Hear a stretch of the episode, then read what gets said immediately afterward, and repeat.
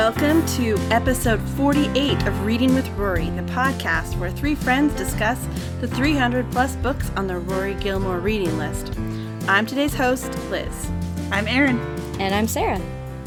We are discussing the humorous British novel The Code of the Woosters by Woosters. How do you guys say that? Yeah, Woosters? Woosters? I say wo- Worcesters, but I've but then I think you could also say it Woosters. I think it's I- like I don't Worcesters. know. It just like is easier to say Worcesters. I'm That's sure. true. That feels more British. All right. Well, now we've established that it's the we've a code for that. Um, the novel "The Code of the Woosters" by P.G. Wodehouse. Rory tells Richard that she's really into Wodehouse in season five, episode five, and I can see Rory really identifying with like the drone club and all of this like p- posh stuff when she starts to fall for Logan. So I'll buy that she's really into Wodehouse at this point. Like, do you think Logan would have a valid?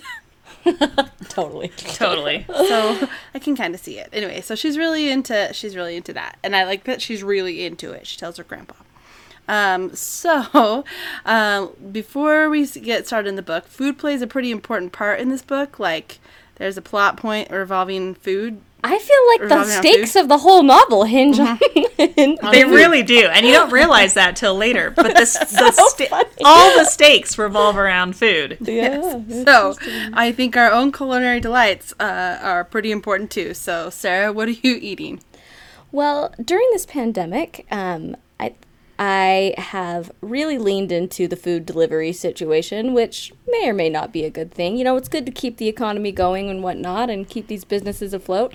But the fact that I can now get ice cream delivered to my house is maybe a problem, but I am a big fan. And so there's, uh, for our listeners who are not Utah locals, it's, uh, and, and I'm sure this is probably a thing elsewhere, but it's uh, especially thriving industry in Utah to have like different like cookies and sweets um, delivered. Sugar is our vo- our vice of choice for many residents, and so um, uh, there's this place that delivers cookies and now ice cream uh, called Crumble, and you just open up this app and you can like, and there are all these kind of like high concept ideas, so yummy, just really. Anyway, so there's like Muddy Buddy ice cream and raspberry cheesecake ice cream and churro ice cream, What? and and um and they just come in these tiny little like one like barely over one serving little box like pints less than a pint half pint I guess. And um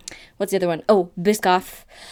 Oh my gosh like it's the best. So I'm having some Muddy Buddy ice cream and I'm enjoying it I gotta say When did they start delivering ice cream? This is news to me. Um, I think it's pretty recent. I don't know. I mean, it's been.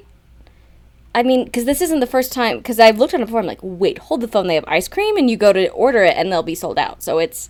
Um, this was like the first time that they hadn't sold out yet. Uh, we tried to order some cookies to send. It was fun because you can like get c- cookies delivered to other people uh, as like a surprise. Like uh, we did that for you once, Erin, because we're nice friends. It's so true. um, you are. uh, so we went to do it for a friend whose birthday was yesterday, but she didn't live in an area where they delivered to. So I was like, well, while I'm here, I guess I'll just order some of this ice cream. so maybe it was like earlier in the day you can have better luck with the ice cream. I don't know, but yeah, you could give it. A, I, they've been doing it for a few months at least. Well, I'll be. Look at that. New, a new reason to order more things from Crumble. I Way to know. go, Crumble. Yeah, there you go. Organic ad right there. Like, Sponsored by. please please give us some money. We appreciate it. Um, very delicious. Uh, Who doesn't love ice cream delivered to your door?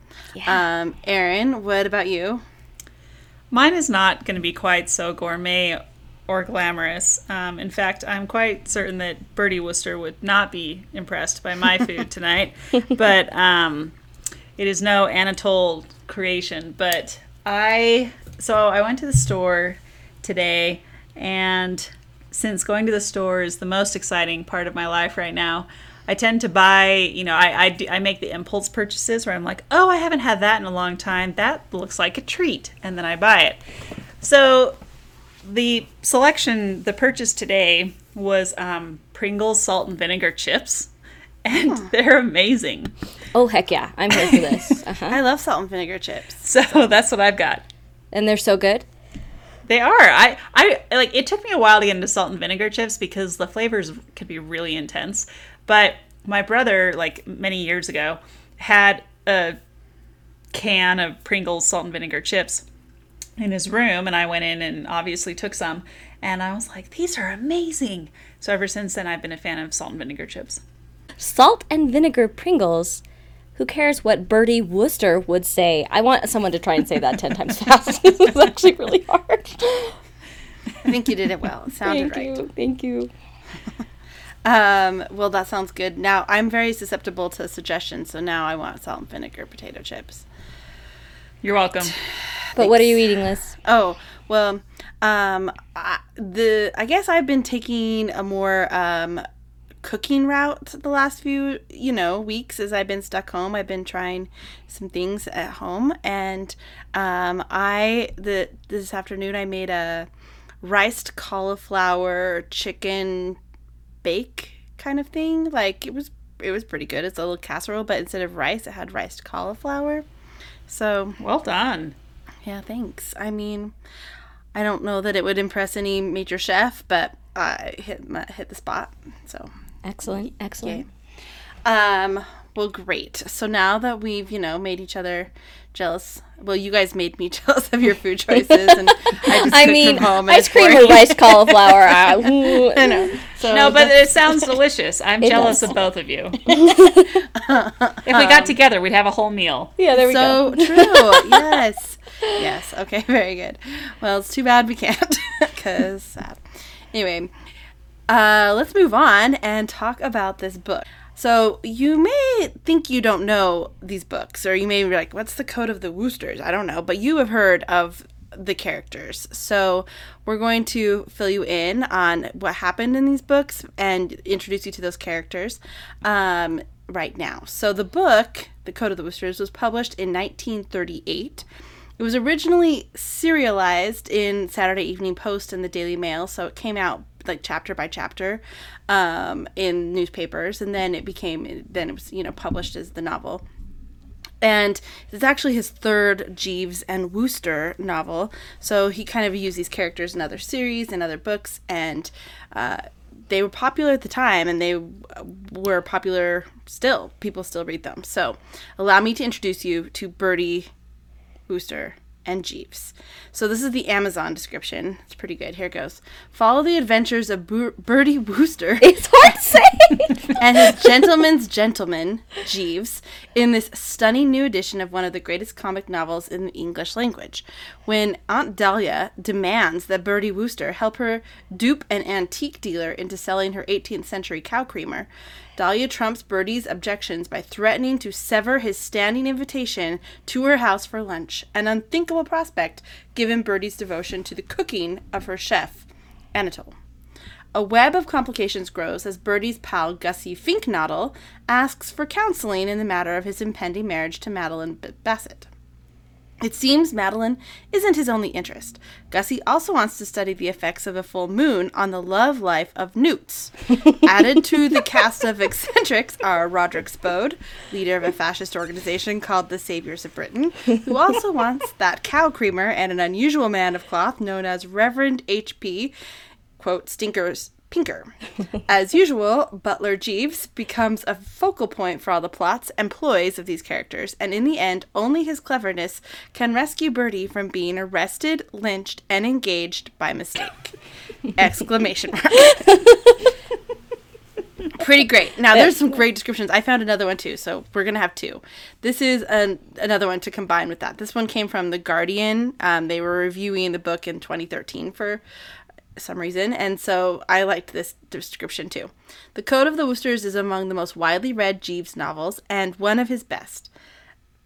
Bertie Wooster and his gentleman's personal gentleman Jeeves must reconcile newt-obsessed Gussie Fink-Nottle with droopy blonde saucer-eyed Madeline Bassett, help Aunt Dahlia deprive Sir Walt Sir Watkin Bassett of an antique silver cow creamer, unite Stiffy Bing and her secret lover, local curate and Bertie's old school friend Stinker Pinker, and thwart the violent inclinations of Sir Roderick Spode by uncovering the mysterious Eulalie. There also is the requisite theft of a policeman's helmet. The Code of the Woosters pushes Wodehouse's trademark convoluted plotting to the limit. Bertie has been in the soup before, as he says to Jeeves at the beginning of the story, but this one wins the mottled oyster. So I like the insert in the insertion of the quotes and the descriptions from the book in there. So it's fun. there you go. Um, pretty convoluted plot, but that's what makes it what it is. So, um, judging by just the laughter you can hear as we talk about the plot and from the text chain we had going on as we read this book, um, I have a pretty good idea of where we stand when we think about this, but let's enlighten our listeners. What do you guys think of this book, Sarah? I love this book so much. I can't remember the last time I had this much fun reading a book. And like it was one of those experiences where it's like that you wish you could capture in a bottle because you know you're reading like a book that you're going to love to reread for the first time. And that that feeling of reading like what you know is going to be a favorite book and just discovering it is so fun. So it was like I love the book, but then I love that feeling on top of it. So it made it extra fun.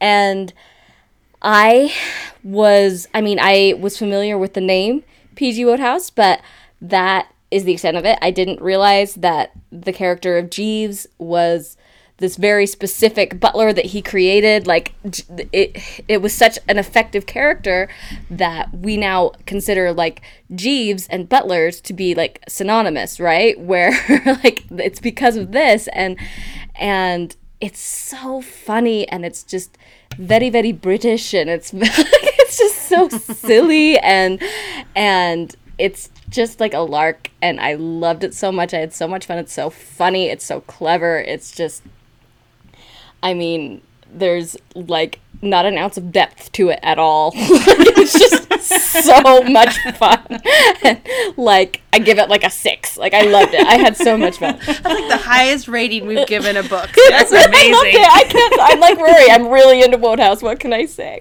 You're, you and Rory are really into Wodehouse. Erin, are you joining their club? Well, first of all, I didn't realize a six was an option, but um, I'm breaking the rules. I know. I mean, I echo Sarah's sentiments in that it's just such a fun book to read. And there were times when I would just chuckle out loud and just like laugh as I was reading the book, which for a book to do that, I think like the the cleverness of the writing is so great. And like Sarah said, there's not an ounce of depth to it. But the fact that there that he's created an entire novel that is so humorous about absolutely nothing, like the most trivial things ever. Like this cow creamer is such a central point of the novel.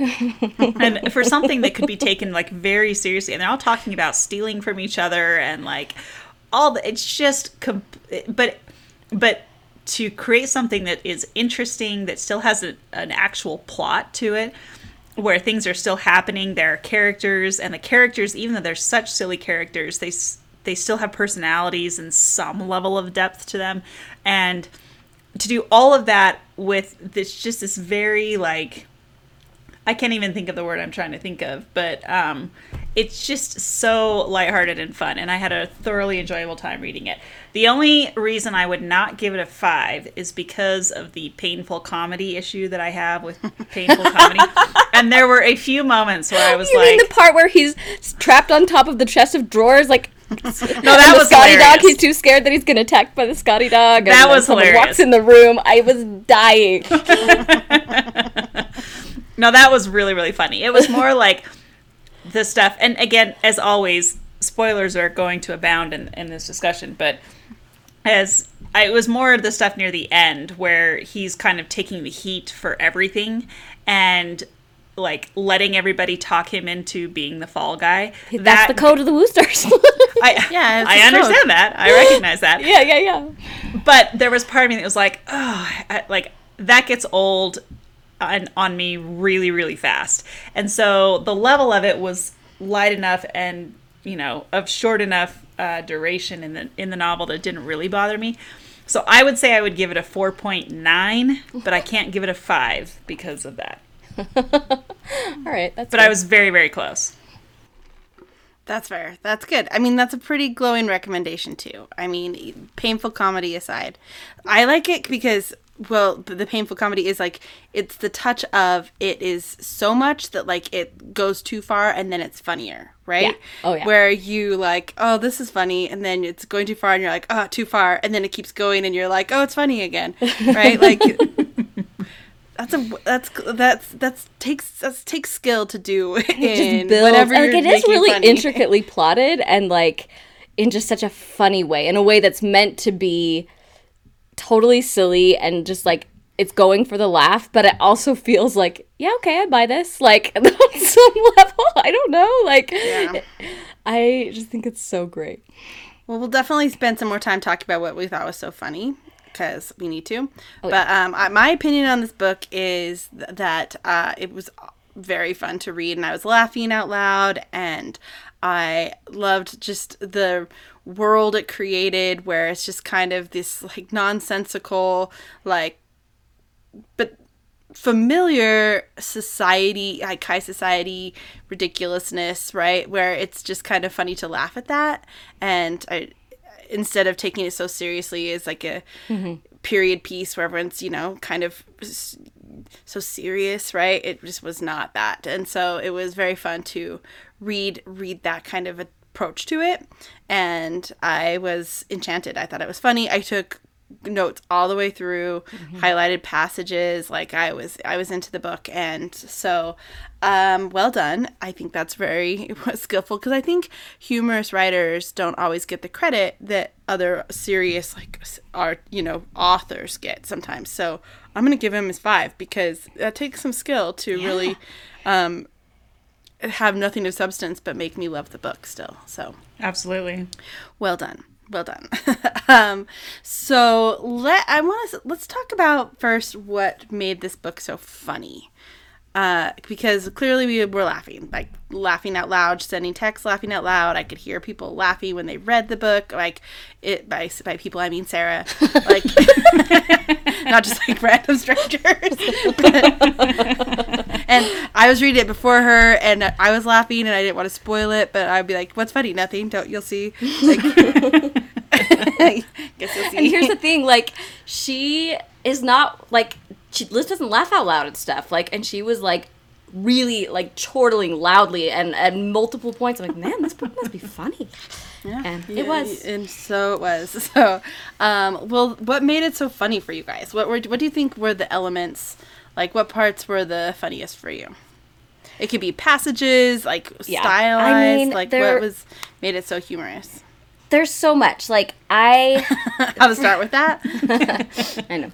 So, in even as I was reading it, I'm like, in a way, this feels very like Amy Sherman Palladino, right? Like just mm-hmm. this super zippy, clever dialog mm-hmm. and everyone is like 100% can keep up with each other, and like, you know what I mean? Like, it just they that that's kind of like the fantasy land that Gilmore Girls lives in, where everyone just kind of gets each other's jokes and just kind of talks 100 miles an hour and makes all these like super, um, like archaic, strange references that everyone just understands, and and um and it just kind of again, it's a fantasy and it creates this world, but it's fun. So it, like I could, as I was reading it, I could see how it probably speaks to the same kind of writing as Amy Sherman Palladino does, just kind of creating these like silly, like Stars Hollow scenarios. You know what I mean? These memorable characters that get up to these, um, into these scrapes. Like, there's just something similar in that. So,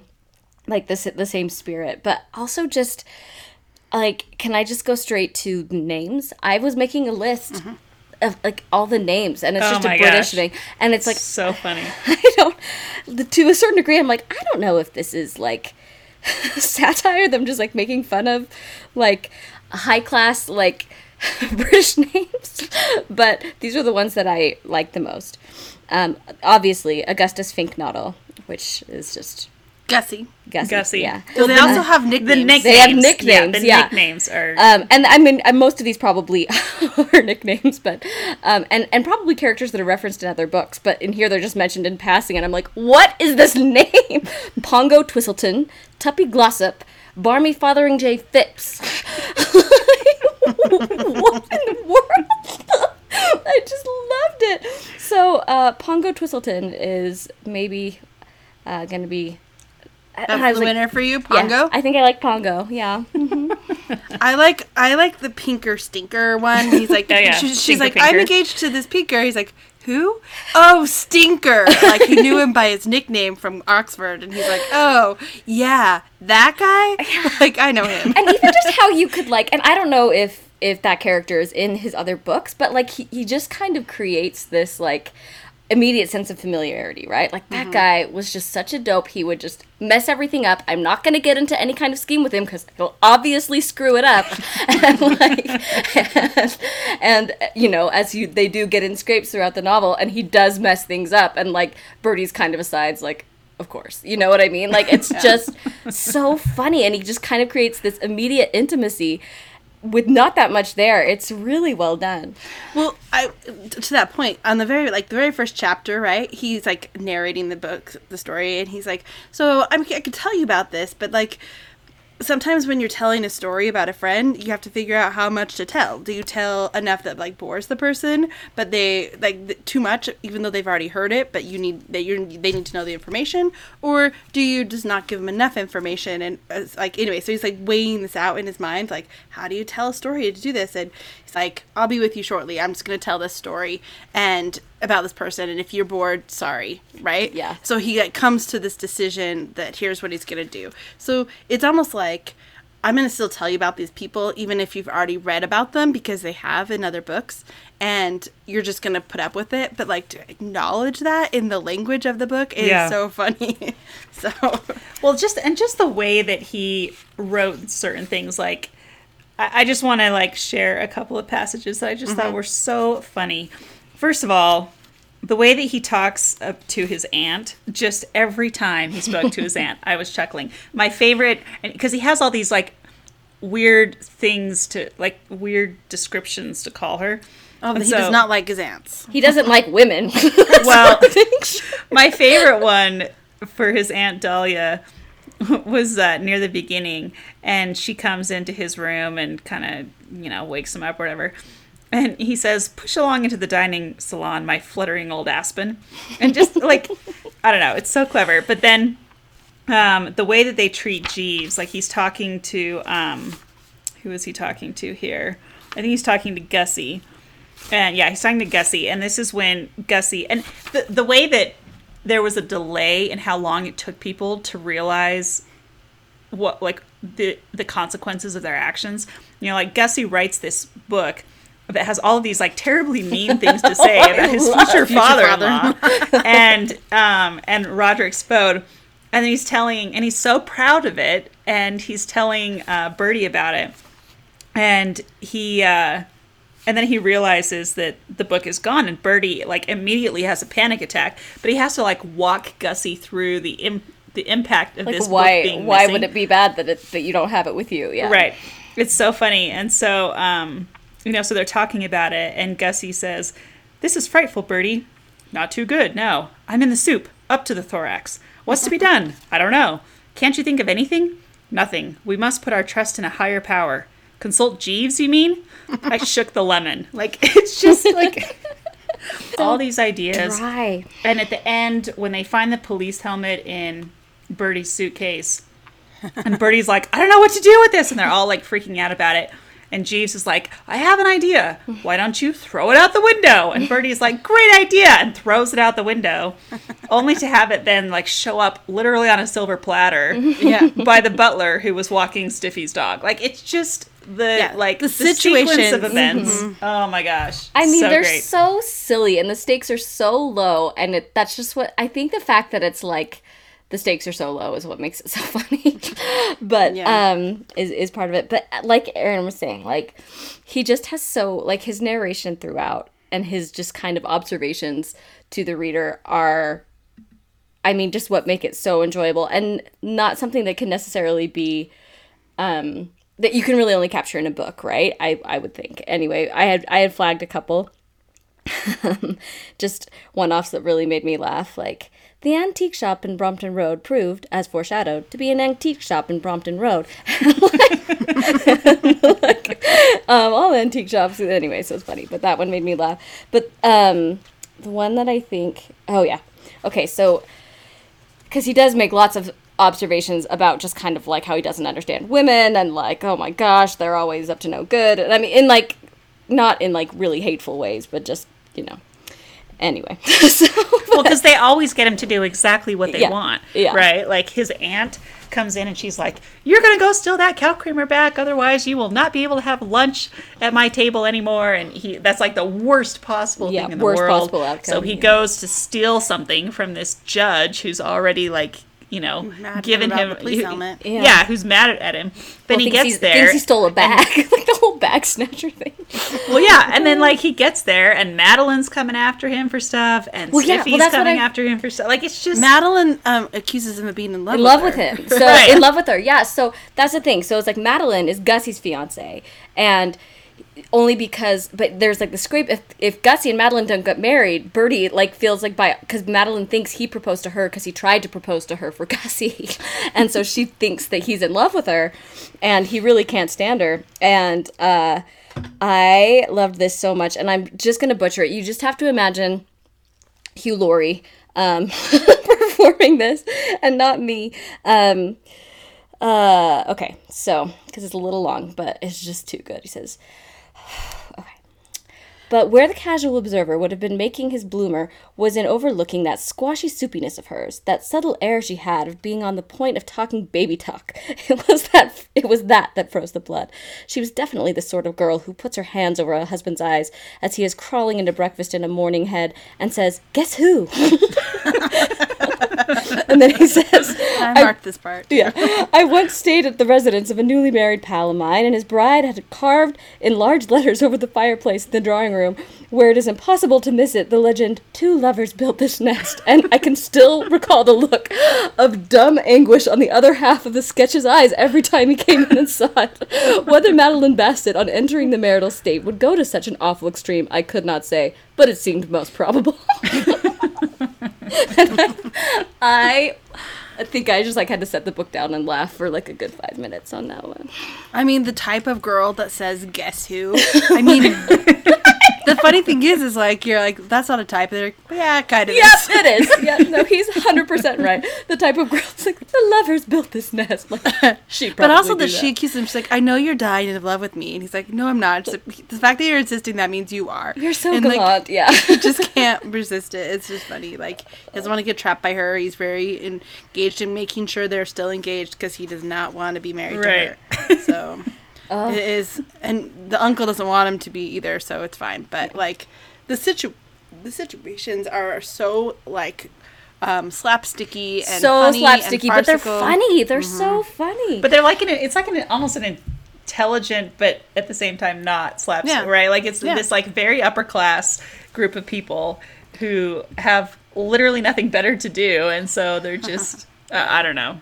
I kept thinking as I, you know how Sarah, you're like, this is could only be in a book, but as I was reading it, I kept thinking, this has got to be a play, right? Like it. Just, Oh, yeah. There's so much dialogue. the dialogue. dialogue, yeah. Yeah, like Mm-hmm. I felt like it had to be a play, which we'll get to. But um, I like at one point where I don't know where he says it, but he's like responding to somebody, and he just goes. Woof! like his expression is just woof, and I'm like, He's the that- like, originator of that. That's yeah, I'm like, wait, we say that. like, that's funny. so I thought that was funny. I do also think that his like running gag of just like how horrible his aunts are is pretty funny. like there's apparently another book that's called Aunts Aren't Gentlemen. that's in this it's like the last one that Jeeves is in, but like they like Jeeves is great, aunts are bad at the end. so who knew? I don't know. That's just Oh, it was so very funny. Um, yeah. Should we talk about Jeeves for now? Like we've, I think we've covered lots of funny. I'm sure we'll get get more. And it's hard. I'm sure our listeners are like, okay. yeah, that's funny. Like let's just listen to people giggle, but you'll Let's get just it. listen. Like, wait, this does not Just sound read funny, it and but you'll all get right, it. sure. Uh-huh. But let's talk about Jeeves, okay? We have to talk about him. He was actually my favorite part of the book. Um, this character, he was very dry, right? He has his own TV series, his own Wikipedia page, and apparently his own search engine, which we'll get to. um, so he was actually named after Percy Jeeves. Uh, so when Wood- Wodehouse made him up, he made up this name, and he went on to be very famous. But Percy Jeeves did not live past World War One, so he never knew that his name was now synonymous with being useful and reliable, which is what people think of when they think of Jeeves. It's Also kind of like when you think of Scrooge. Oh yeah, valets and butlers, but like that's someone who's just so useful and so reliable that like Ask Jeeves becomes a thing, right? So um they compared there was a lot of comparison to Sherlock Holmes and Watson with Jeeves. So you have kind of these two pairs of people that kind of run through situations. And this time it's not just like their cleverness, it's their humor that makes them a fun pair, but that's kind of the idea is this like buddy situation that they play off each other. And Bertie's so stupid and feather-headed sometimes. And Jeeves is so reliable. And so um just the savior of the book really like they are waiting for Jeeves to solve everything right? So um And he does. he does. He sure does. Um we can talk about what we liked about him in a second but um the funny thing to me is that he, he becomes later in our lives like when we think of Jeeves now what you guys think of what Ask Jeeves. Ask Jeeves. Yeah. Ask Jeeves, right? So I did some digging on Ask Jeeves, the search engine. So those well, I you- especially thought about it as I was reading it because Bertie is literally always asking him stuff. yeah, Yeah. even like what words should Yeah. be and famous people and you know the kind what- of things that you Jeeves? Google. Yeah. Yeah. yeah, exactly. It's the stuff we would search in a search engine, right? So it really makes that's a clever thing to do. So back, you know, in the inter- early days of internet, um, Jeeves was really poised to be. This is according to Mental Floss. They did a whole article on Ask Jeeves, and he was poised to be the internet's first breakout character. He was a float in the Macy's Thanksgiving Day Parade, like the Jeeves character on Ask Jeeves is the mascot. Um, he they he had a Hollywood agent that was like trying to merchandise him with like toys and apparel as this Ask Jeeves for the public, right? So he went big. They took him away. It just became ask.com eventually and other other search engines have taken over. Today I think he was like the grandfather to our versions of Alexa and Siri where, you know, we ask these questions to some engine and they go to their um you know, their legion of valets. Their And- network, their their secret network of valets that have the secrets on all their people. I like that was one thing I really loved as I had made that connection when I was reading mm. it and starting to think of Jeeves, the person, as functioning as how the internet functions in our lives. And I like so this character is the internet and it's so funny. It's like and it's so interesting and creative like that that's literally the, what what like kind of the purpose the internet serves right? Like i need As to dig up- yeah i need to dig up dirt on this guy and i you know so let's let's look it up or like How do I impress my father-in-law? i asked jeeves what should i do? really mean to him. how do i how do i be like overcome my fear of public speaking? And i mean it's so wild. Like that's like and I'm just thinking like that's literally what I use the internet for as like my own personal butler, and that's how it started, and it just kind of blew my mind. Well, and even the way that they like anyone who knows Jeeves, they all go to him for help, right? Even to the point where at the at the end when um Sir Watkin uh like Jeeves is out in the corridor and Sir Watkin reaches out and says something like, "Hey, you there?"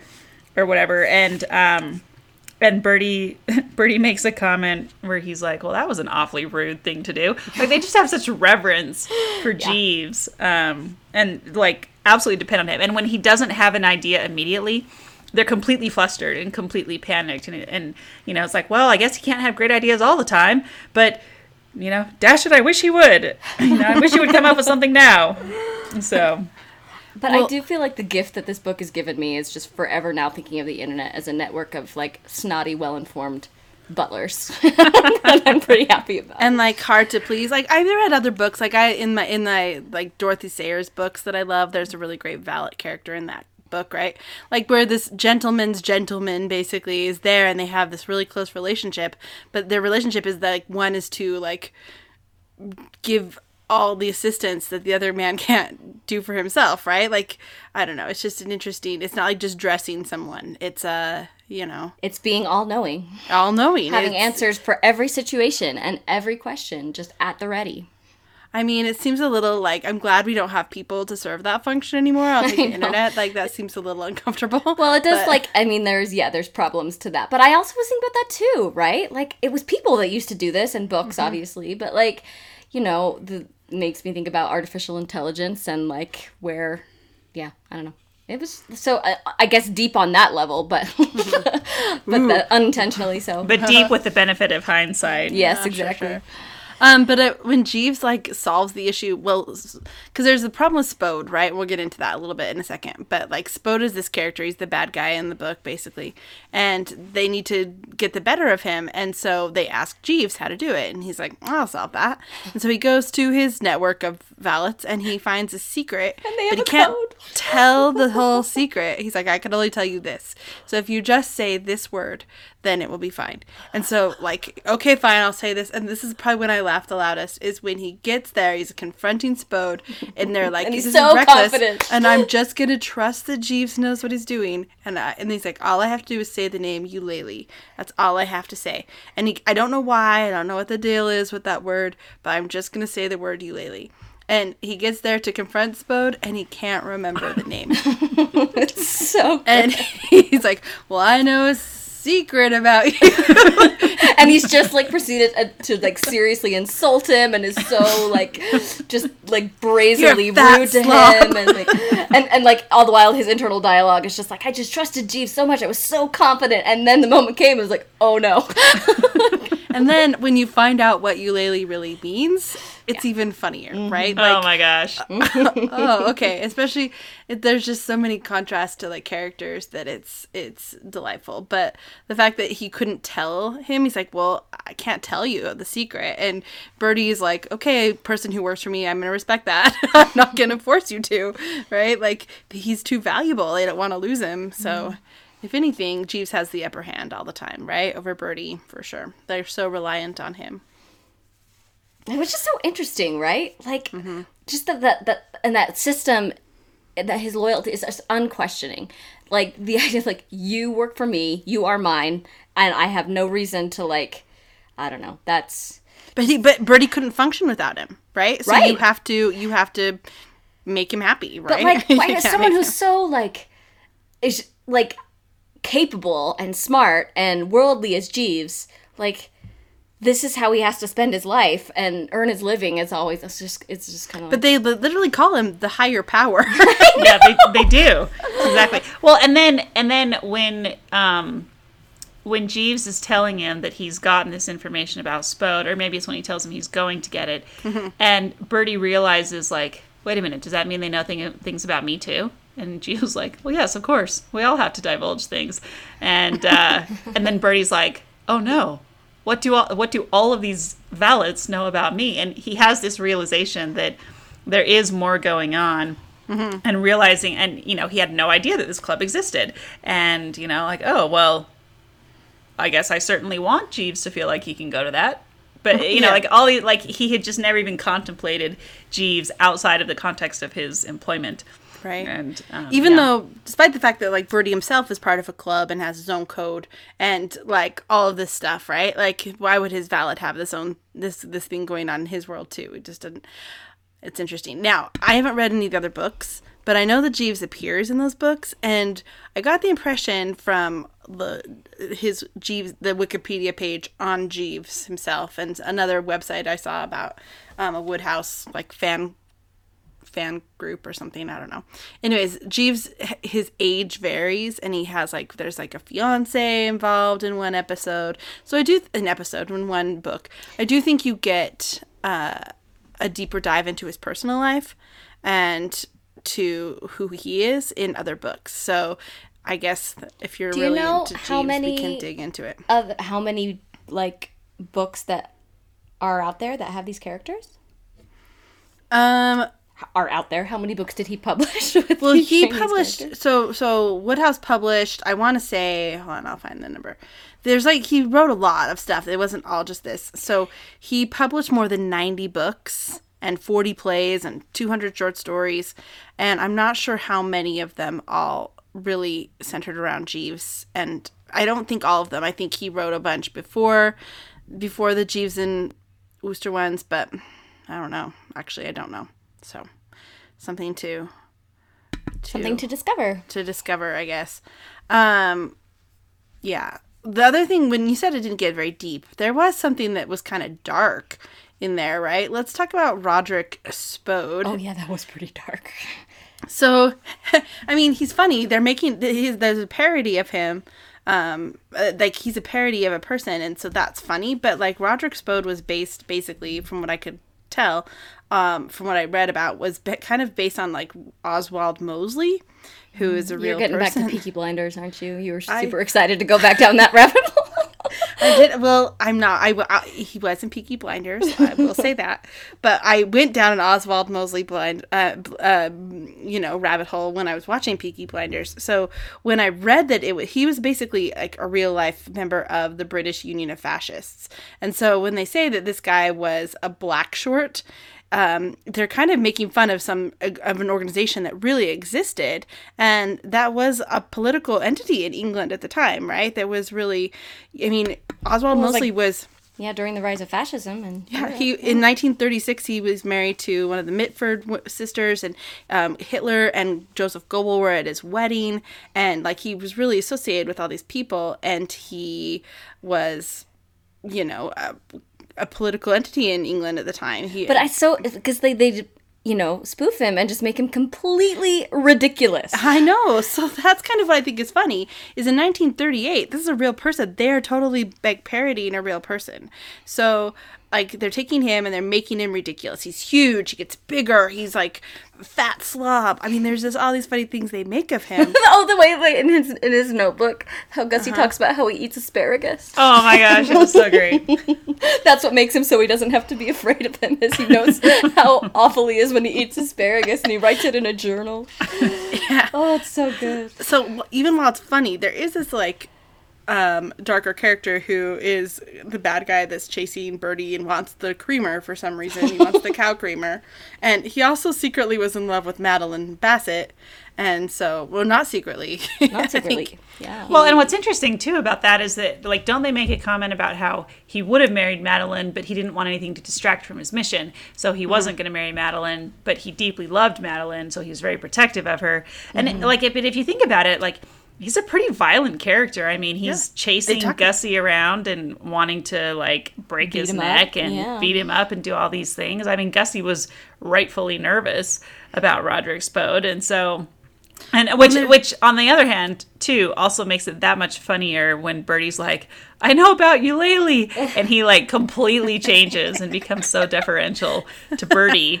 And Should we just you know, reveal what the big secret is? Because I think that also is probably like I don't know. I think it's kind of fun element. not to actually to leave Okay. one spoiler undone. we will leave it. There is a big secret about Eulalie and Roderick Spode, and if you want to like laugh at fascists, that's there you go. hmm I mean, there is this line in the book where he says, "I'm not going to spoil the secret, but this is a line: You can't be a successful dictator because he wants to be a dictator, and they all talk about it.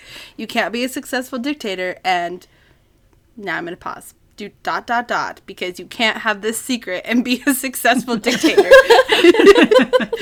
so, like it's and, this and Jeeves and Bertie are just talking about this. Well, yeah, he would not be a successful dictator.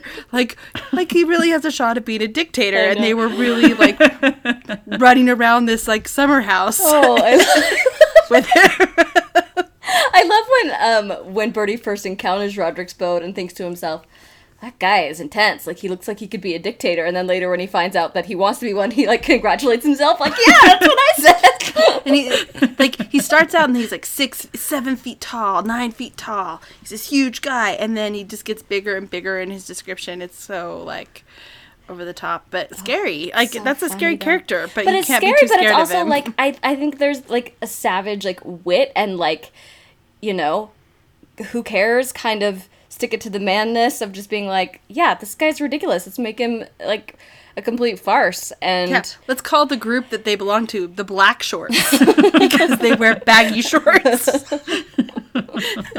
I mean, I guess my question is, is how well do you think that played out in 1938? Like, I mean, well enough. yeah. Yeah.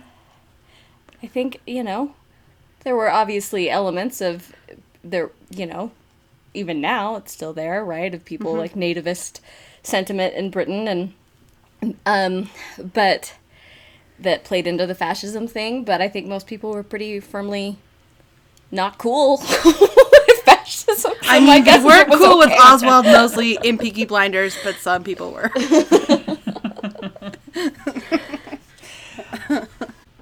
Yeah, although I do want to make one mention about Sir Watkin Bassett because I just thought he was so funny and like such an opposite to Roderick Spode in so many ways. Um, but also you can see how they would become just like best buddies and Roderick would become like his enforcer. Um, but I just thought it like some of the scenes with Sir Watkin were so funny. Like when um, Bertie goes in to tell him that he wants to marry Stiffy, and Sir Watkin is just like losing it. And then Stiffy comes in and she's like, No, no, I don't want to marry him. And you can like visibly see the relief on Sir Watkin's face. And then she says, I actually want to marry the curate. And he's like, What? And it just sends him over the moon again. And like all these different things that happen and how he knows that Bertie is up to something and he knows that he's there to steal the cow creamer and he knows that he was somehow involved in the pinching of the policeman's helmet, but he can't prove any of it. And then he has to like eat his words and back off. Oh my gosh. It's just I there were some of the scenes with Sir Watkin Pretty I thought were so funny. Yeah. Just so funny.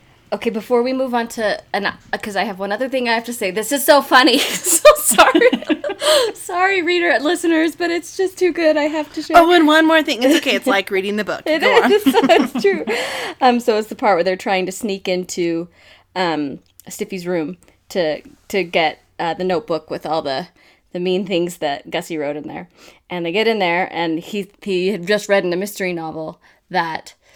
Of course, they'll keep it on the top of the chest of drawers because that no one would look there. So the first thing is he climbs on top of the chest of drawers, and and he's in, you know, in someone's room trying to steal something, and uh, he he sees this dog. He says, so, and her dog, who's just like a little Scotty dog. I love that it's like so scared Scotty dog.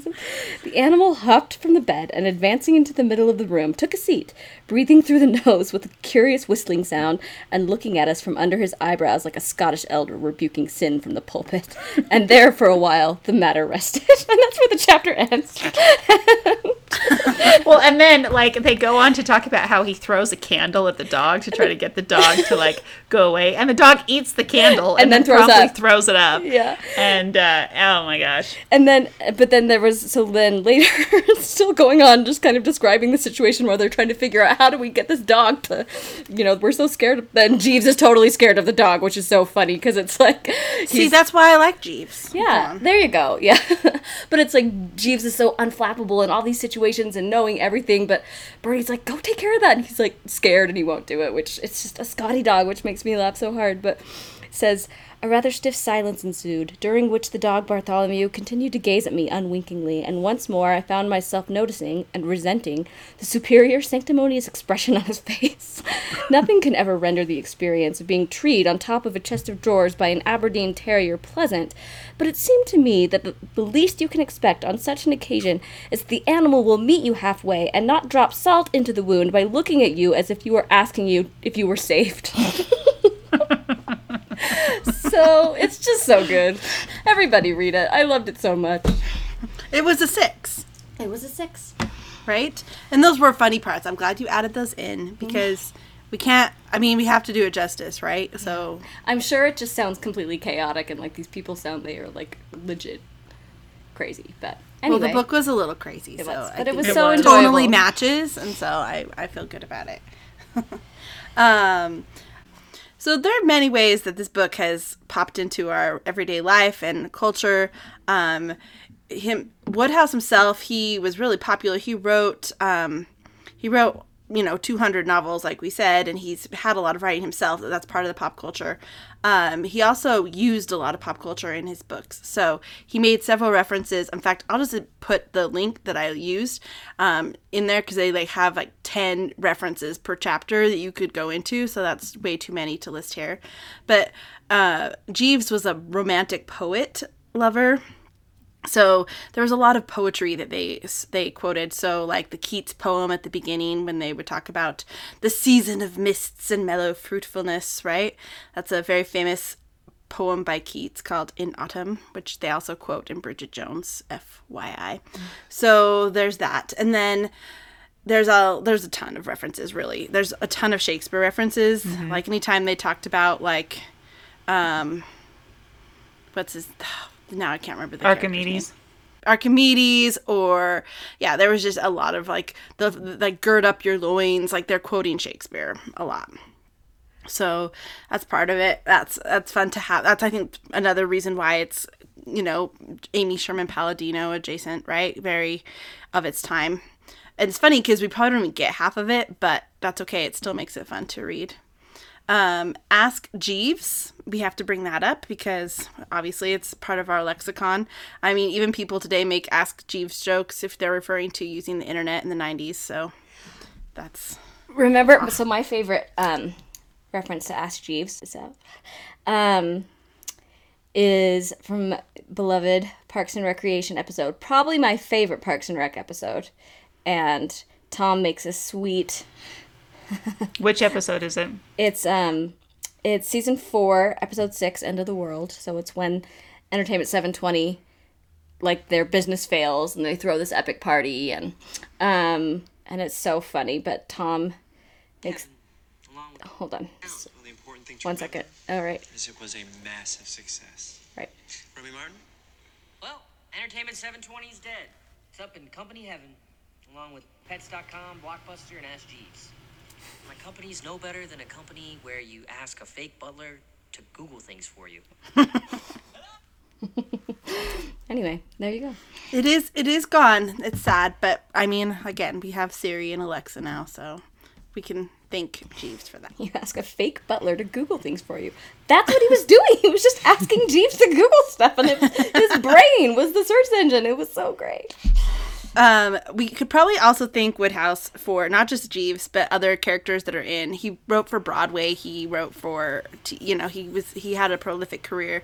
He didn't live in England um, for most of his life. Actually, he he was he was living in New York City, so that's part of it. Um, the TV series. We should talk about the TV series because that's really where Sarah made a Hugh Laurie reference because in 1991 they made a TV series called Jeeves and Bertie. Bertie, Je- right? Or was it Bertie and It's Jeeves? Jeeves and Wooster. Oh, Wooster. Oh, yeah. Okay, okay, that's what I thought. I'm like, what is it called?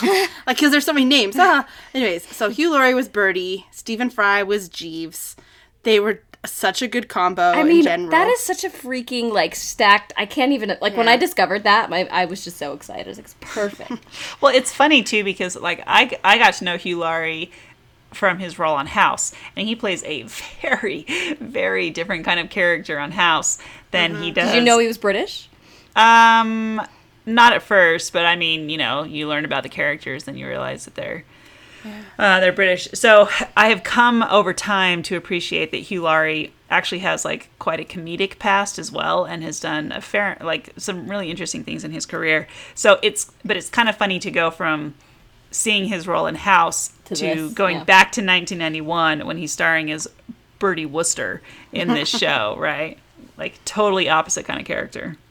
Oh, and he does such a good job. Like, it's very. It, they, It's perfect. They both play it perfectly. It's, it's great. And they use a lot of Um, uh, Wodehouse's dialogue too, which is great.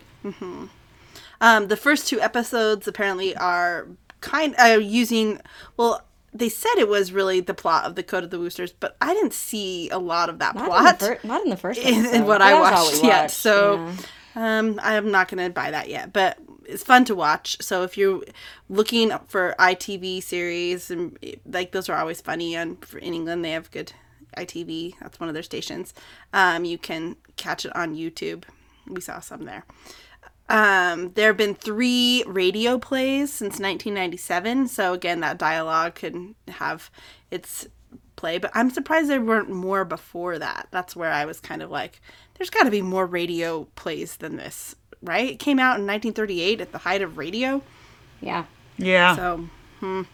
anyway, 1997. Since then, there's been a few, and a stage production. Like I said, I thought it would make a good stage production. Well, in 2013, um, they put it was on the West End in London. It was called Jeeves and Wooster in Perfect Nonsense.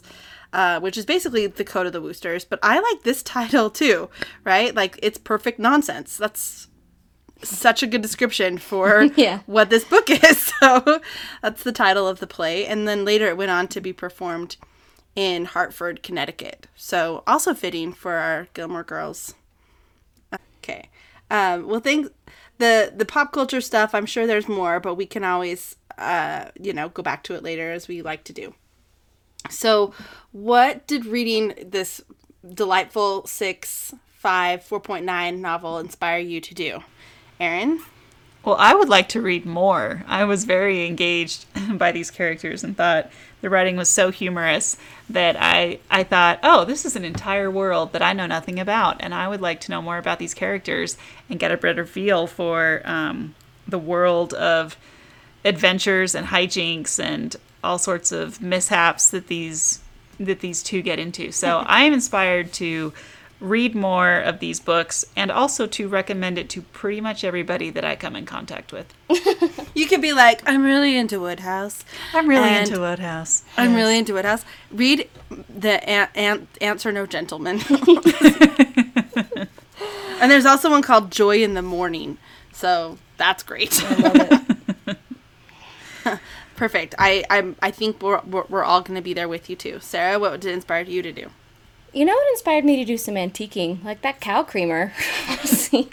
Just make sure it's not modern Dutch. no, not modern Dutch. But like, think of the schemes I could get up to if I just like, it just needs to be ignited by a trip to the antique shop. So, um, yeah.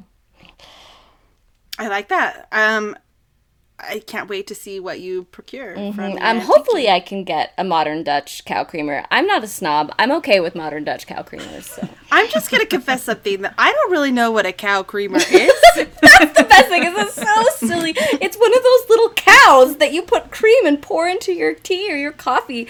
And like it's just like a little trinket that it's shaped like a cow and you put cream in there and then you pour it and it's like you know what I'm talking about, right? Like oh Yeah. I mean, I'm I'm assuming that, but like, I why would you want that?